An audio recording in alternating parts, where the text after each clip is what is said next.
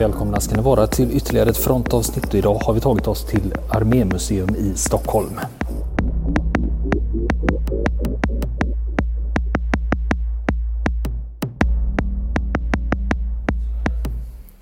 Och sen också en Sten kulspruta som används av den danska motståndsgruppen, grupperna i Köpenhamn under andra världskriget. Sen har vi lite kulspruta. Vi har en Bren. Det är inget magasin monterat på den. Man kan ändå, den är plomberad och man kan känna lite på den. Se hur den känns. Uppfällbart sikte med, man kan ställa in. Ställa in avståndet. Bren är gärna känd, den har en stor, ett stort magasin som sticker upp ovanpå. Nu ska vi se vad vi har och sen har vi en eh, tysk kulspruta då, en MG42. Känd för att ha en av de högsta eldhastigheterna. Låter som när man river sönder ett tyg. Stycke sägs det. Samma typ av, alltså på MG42, det är samma typ av säkring som det är på KSB 58. Sen har vi också lite andra saker. Vi har en, vi har en amerikansk automatkarbin 30 och det är den lilla modellen med ett eh, ett magasin som man stoppar i under till. Och sen har vi också AKMS, den sovjetisk Kalashnikov helt enkelt. Det är en utveckling av AK47. Sen har vi amerikanska M16A2 också. 556. Och den här är från 1980-talet. Sen har vi också den belgiska automatkarbinen från Fabrik National och det var ju den som var Eh, FNC, heter ju den, och det var det som var förlagen till den svenska AK5 och man ser ju tydligt släktskapet. Sen ska vi se, så har vi en gammal KSB 58. Sen har vi också en svensk kulspruta modell 36 och eh, det som är speciellt med dem det är ju 6,5 kalibers och de matar ju dem med bomullsband och så är det två handtag där bak. Det är alltså ingen kolv utan du sitter på huk bakom och trycker in en knapp. Det som är speciellt med den här också är att du kan ställa in eldområdet så det är förinställt så du har redan siktat in det på området. Det är ju tacksamt om det är mörkt. För om du har ställt in ditt eldområde och sen händer det någonting där då behöver du bara veva runt inom den, det eldområdet där du, har, där du har ställt in den. Nu ska vi se, nu var det ledigt där man kan få känna på lite bössor. Då ska vi se vad vi börjar med då. Svensk musköt 1791. Vägde inte så mycket. Väger mindre än vad jag trodde. Ligger trä. Sen har vi gevär modell 1845 till 1854. Mm. Riktmedlen blivit lite bättre.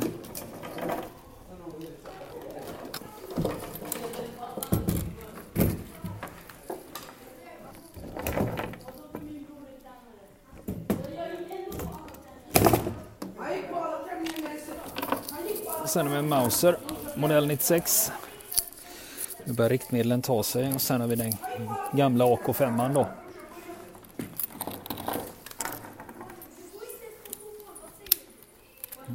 Ja, säkringen funkar i alla fall. Du kan inte göra mantelrörelse med den. Du kan växla mellan gasläge 1 och 2. Det är så man kan fälla in kolven. Nej, det går inte. Så, magasinet går inte att ta ur heller, det är spärrat. Man eh, gjorde en ny variant där man flyttade ner säkringsspärren. Säkringsspärren satt från början väldigt, väldigt högt upp så det var svårt att komma åt den med tummen. Men på den här versionen så har man då flyttat ner säkringen så du kan gå i färdigställning och ha, den, och ha tummen på säkringen. Det kunde du inte på förra versionen. Så då var du tvungen att släppa greppet för att nå säkringsomställaren då. Patronväljaren.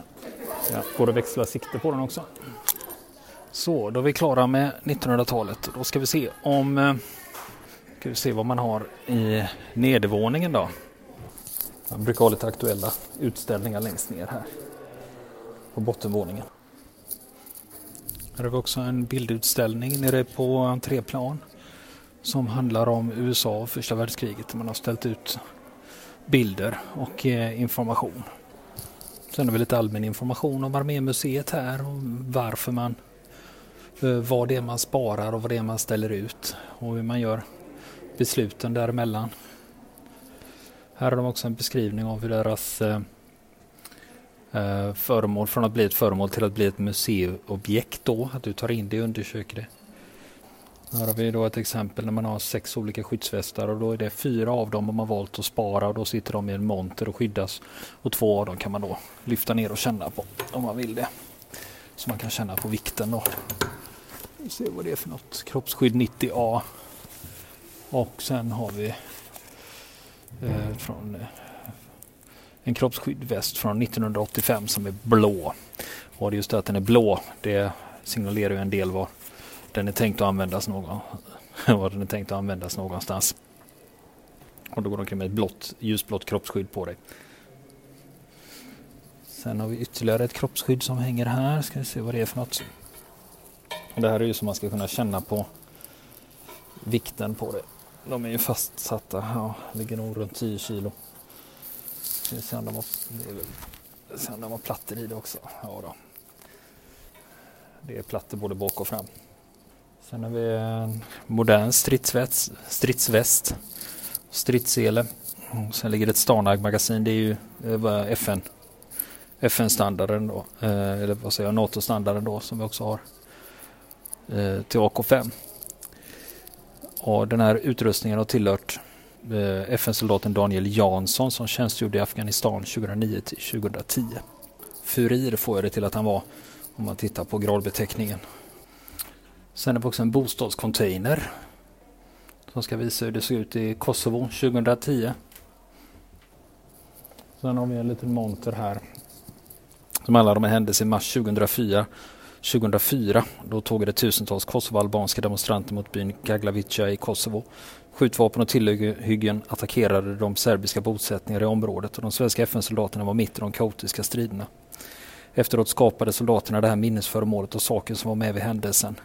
Och det är då en spade med taggtråd virad runt. Det är eh, polisbatong ser det ut som. Sen en eh, väska som ser brandskadad ut. Eh, och sen ett sprucket eh, knäskydd. Som man, det går ner, det, över knät är det sprucket, sen går det, det är grönt och så går det ner en bit över går ner en bit om, eh, över skenbenet också. Sen står det en utställning på lite kameror. En Ariflex 16 mm. Den har tillhört armé, marin och flygfilm. Och sen har vi en Kodak Pagent från eh, modell FM1. MF1 från 60-tal. Det är också armé, marin och flygfilm. Och sen har vi videokameran, en Panasonic MS4 eh, som spelar in på Super VHS. Den var ju populär i början på 90-talet. Bland annat hade man dem på högskolor där man utbildade mediestudenter. Och det, vitsen med Super-VHS var att det gav ju mycket bättre kvalitet i, i andra generation, det vill säga när du klippte och kopierade. Eh, då blir det bättre. Eh, du tappar för mycket på vanlig VHS och därför hade man Super VHS istället. Här har vi också en Ariflex 35 mm kamera. Det är med marin och flygfilm som har haft den. Och när den kom, eh, jag ska vi se hur gammal den är, 1937, då var ju där high tech, det var ju det bästa du kunde ha. En Ariflex 35 mm och den hade, det var nämligen en spegelreflexkamera i den. Och inget museum är väl komplett utan presentshoppen. Här har vi ju lite böcker. Vi ska se, vi har en bok som heter Lumpen från mönstring till muck, Anna Maria Forsberg och Claes Kronberg. Sen har vi en ny bok här, eh, Tobias Berglund och Niklas Sennerteg, Finska inbördeskriget. Hint hint. Han skulle föreläsa i Stockholm idag den 2 februari 2018. Det är Tobias Berglund som föreläser om det uppe på Historiska museet. Det ligger också här på Östermalm. Sen har vi Svenskt flyg under kalla kriget. Och sen Stockholms glömda bunkrar, guiden till andra världskrigets fasta försvar. I skuggan av kalla kriget. Sverige-Finland under kalla kriget. Och sen har vi eh, den nya eh, också, Christer Bergström på Vaktel förlag, Ardennerna 1944 45, Hitlers vinteroffensiv. Slaget om England och också Christer Bergström. Och sen har vi BA01. Alfa Sierra heter den här Alfa Sierra heter boken. BA01 Nordbat 2 i Bosnien-Hercegovina. Soldat och gruppchef berättar hur han upplevde BA01 under den svenska FN-missionen. Jag kan också läsa Ett halvt år, ett helt liv. Också en bok som handlar om BA01. Det finns i alla fall två böcker om den bataljonen. Det finns säkert fler som jag inte känner till. Ska vi se, vad vi mera? Gyllenhal och Westberg, Svenskar i krig 1914 till 45. Raoul Wallenberg i Budapest av Levin. Gustav IV Adolf, biografi, Mats Wickman. Så det finns flera olika böcker här om man är, om man är intresserad av möperier. Sen har vi Lego, ska vi se, modeller av olika stridsfordon. Sherman T34. Sen har vi också Lego-modeller av olika stridsfordon också. Och sen också då eh, modellen av svenska 103 stridsvagn S. Då. Sen lite pussel och lite böcker. Lite tallriksunderlägg och brickor. Tre kronor på. Hållare för värmeljus med tre kronor på. Det finns lite blandad kompott. Ska vi se, de har strumpor också. Ska vi se vad det är för något. Arméstrumpa kraftig, det är vit yllesocka. Sen har vi en grå som heter, det står Tactical Sock. Och sen har vi den klassiska bagen också, eh, persedelpåsen. Den är ju, här är den svart i och för sig. De brukar finnas i blått och grönt utförande. Det kan vara marin, mörkt marinblå också. Sen lite magneter också. Och så en ryggsäck som ser ut som den gamla typen med metallmes på. Sen har vi också en, små modeller här man kan köpa. FN-soldat i Kongo, eh, 60-tal, utlandssoldat i Afghanistan och sen infanterist i M59. Det är decimeterhöga modeller. Lite plunter, slipsnålar, manschettknappar med tre kronor på om man vill ha. Utanför Armémuseum så eh, står det en räcka av trofékanoner eh, om man är intresserad av sånt från 1600-talet. Sen har vi också en stridsvagn 103, den står där nere, en stridsvagn S. Sen brukar det stå en eh, KP-bil, alltså eh, den pansarbilen modell 42 som man hade nere i Kongo bland annat. Tjänstgjorde i svenska försvaret väldigt, väldigt länge. Eh, den är inte här just nu så jag vet faktiskt inte var den är någonstans om vi ska summera Armémuseum så är det bra. De försöker visualisera eh, militären och eh, arméns roll i det svenska samhället under flera hundra år. Sen vet jag att de har gigantiska samlingar och där kan man ju följa eh, journalisten Melke Becker som eh, brukar göra tv-serier ur deras samlingar som berättar vad som finns. Och det är ju så att man kan bara visa upp en bråkdel men jag tycker urvalet är bra. Och när vi pratar om klassiska kända vapen så är ju i stort sett eh, ja, alla kända vapen är ju eh, representerade. Och sen är det också skoj när man lägger upp de här lite udda vapnen som man kanske inte ser så ofta. Så om man ska jämföra armémuseum med utländska museer så står det så här väldigt, väldigt bra. Så jag rekommenderar ett besök och det ligger ju på Riddargatan på Östermalm i Stockholm. Och sen så är det ju faktiskt gratis entré. Och ska man eh, lägga tid här så kan man också passa på att gå upp till Historiska museet eh, som ligger några kvarter härifrån. Det är ju gratis entré där också. Det är ett bra Stockholmstips om ni ska komma hit.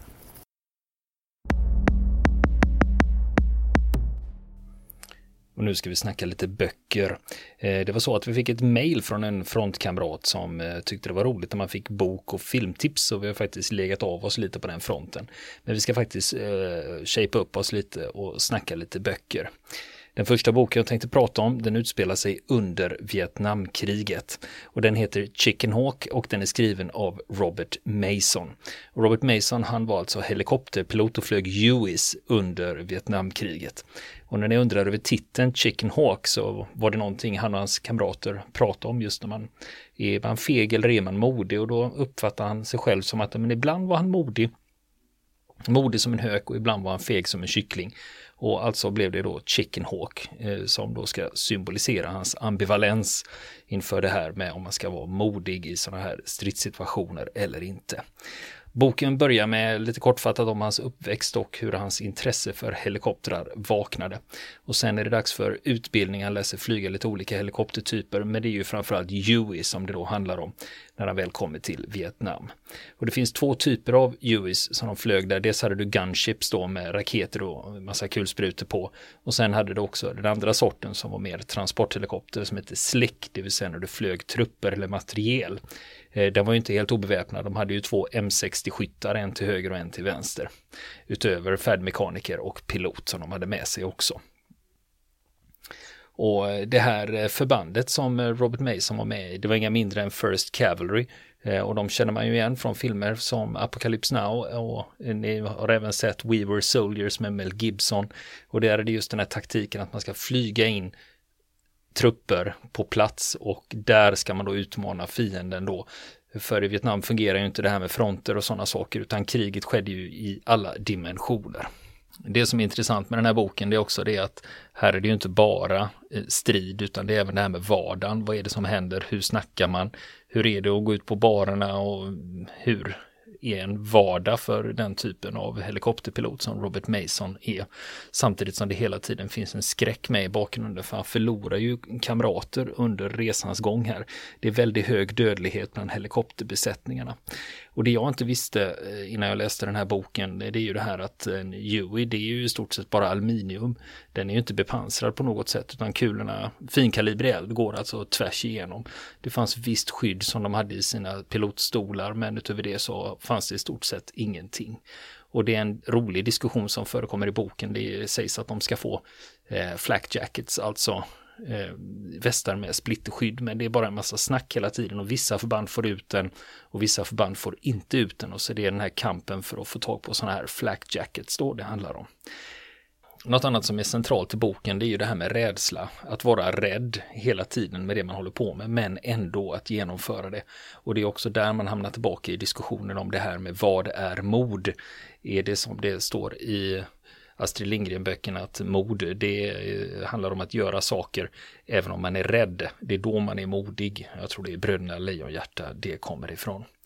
Även om man inte är intresserad av helikopterflyg eh, överhuvudtaget eller militärflyg så är det här ändå en inte, rolig, höll jag på att säga. Ja, det är en rolig och spännande och intressant bok. Rolig, jag väljer faktiskt det ordet igen. Men Eh, för det är så mycket om helikopterflyg som jag inte visste, så inledningsvis i boken så är det alltså skisser på en cockpit i en helikopter. Hur ser det ut på förarplatsen där? Vad har de olika spakarna för funktion? Och det är väldigt tacksamt att kunna gå tillbaka till de här ritningarna och skisserna under tiden man läser böckerna han beskriver om hur man flyger helikopter. Så det är någonting man får lära sig. Det var faktiskt något som var väldigt roligt när jag kom till flygmuseet Aeroseum utanför Göteborg där de har en helikopter uppställd där du kan få känna på reglagen och då ser du också att du kan, hur du vinklar rotorbladen eller tiltar själva disken som den kallas. Så det är någonting man faktiskt har nytta av, inte för att jag skulle kunna sätta mig i en helikopter och flyga men nu har jag i alla fall lite koll på grundbegreppen kring det. Sen finns det andra saker när det gäller just eh, taktiken, hur de använde sig av helikoptrar i Vietnam. För det innebar ju en annan typ av infanteristrid när du kunde sätta ner infanterister lite överallt. Eh, två saker som jag fick lära mig i den här boken, det var också det här att om helikoptern är väldigt kraftigt överlastad så kan du starta ändå genom att låta helikoptern hasa fram på backen så du får upp lite fart och sen kan du lyfta. Och på samma sätt när de då ska sätta ner helikoptrarna någonstans där det egentligen är lite för tät vegetation, då kan du använda rotorbladen som en gigantisk trimmer och liksom kapa av träna under tiden du landar och det gör att du behöver inte nödvändigtvis rensa den här landningsplatsen för mycket. För det var i början, innan man kom på den här tekniken så gick det ut på att då fick infanteristerna där nere linda träd med pentilstubin och spränga fram en landningsplats. Men med hjälp av den här tekniken kunde man landa på tidigare otillgängliga platser.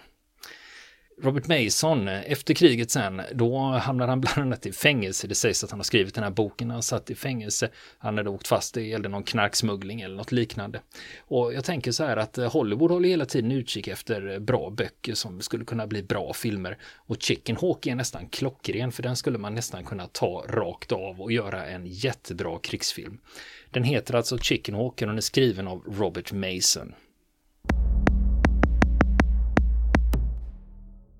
Ska prata om en annan bok som också handlar om Vietnamkriget, men den här gången är det från infanterisoldatens perspektiv. Det är till och med undertiteln på boken. Boken heter Acceptable Loss och undertiteln är An Infantry Soldier's Perspective och den är skriven av Craig P.J. Jorgensen. Och eh, när han var i Vietnam då var det ju infanteristrid i små förband som det handlar om. Och eh, det som gör att den här är extra intressant det är att han eh, genomförde 54 uppdrag när han gick som tätkar. Han gick alltså längst fram. Och det handlar lite om psykologin. Eh, varför väljer du att gå längst fram för han behövde inte göra det. Men han hade tränat upp sig så pass mycket och varit ute på så mycket så han tyckte att det är bättre att jag gör det. För då riskerar jag inte gruppen utan tar jag någon som inte är lika erfaren då riskerar jag ju att hela gruppen stryker med om man inte sköter sig när man är längst fram. Men det börjar ju när han kommer till eh, Vietnam som vanlig infanterist och då får de ett erbjudande om att gå med i Rangers och då ska de få lite fördelar eh, med det. Så att han gick igenom Ranger-utbildning på plats i Vietnam och sen börjar han med Long Range Recon Patrols, alltså patruller som ger sig ut, eh, de är inte så många man som ger sig ut på spaning eller underrättelseuppdrag. Och de går ofta långa sträckor och helt utlämnade i djungeln. Så det är första delen av boken. Men sen byter han förband och hamnar i The Blue Team och de tillhör Air Cav, alltså det luftburna kavalleriet. Och eh, deras uppdrag det är att rycka ut, de är som en brandkår för de ska rycka ut så fort en helikopterbesättning har störtat. Och det här är alltså högriskuppdrag för att dels är det väldigt, väldigt bråttom för de vet om att om NVA eller Vietcong får tag på helikopterpiloterna så kommer de att bli dödade direkt. En annan aspekt av det här är också att när en helikopter har blivit nedskjuten då är det ju bevisligen på grund av att det finns fiender i närheten. Så det är inga ofarliga uppdrag de ger sig ut på.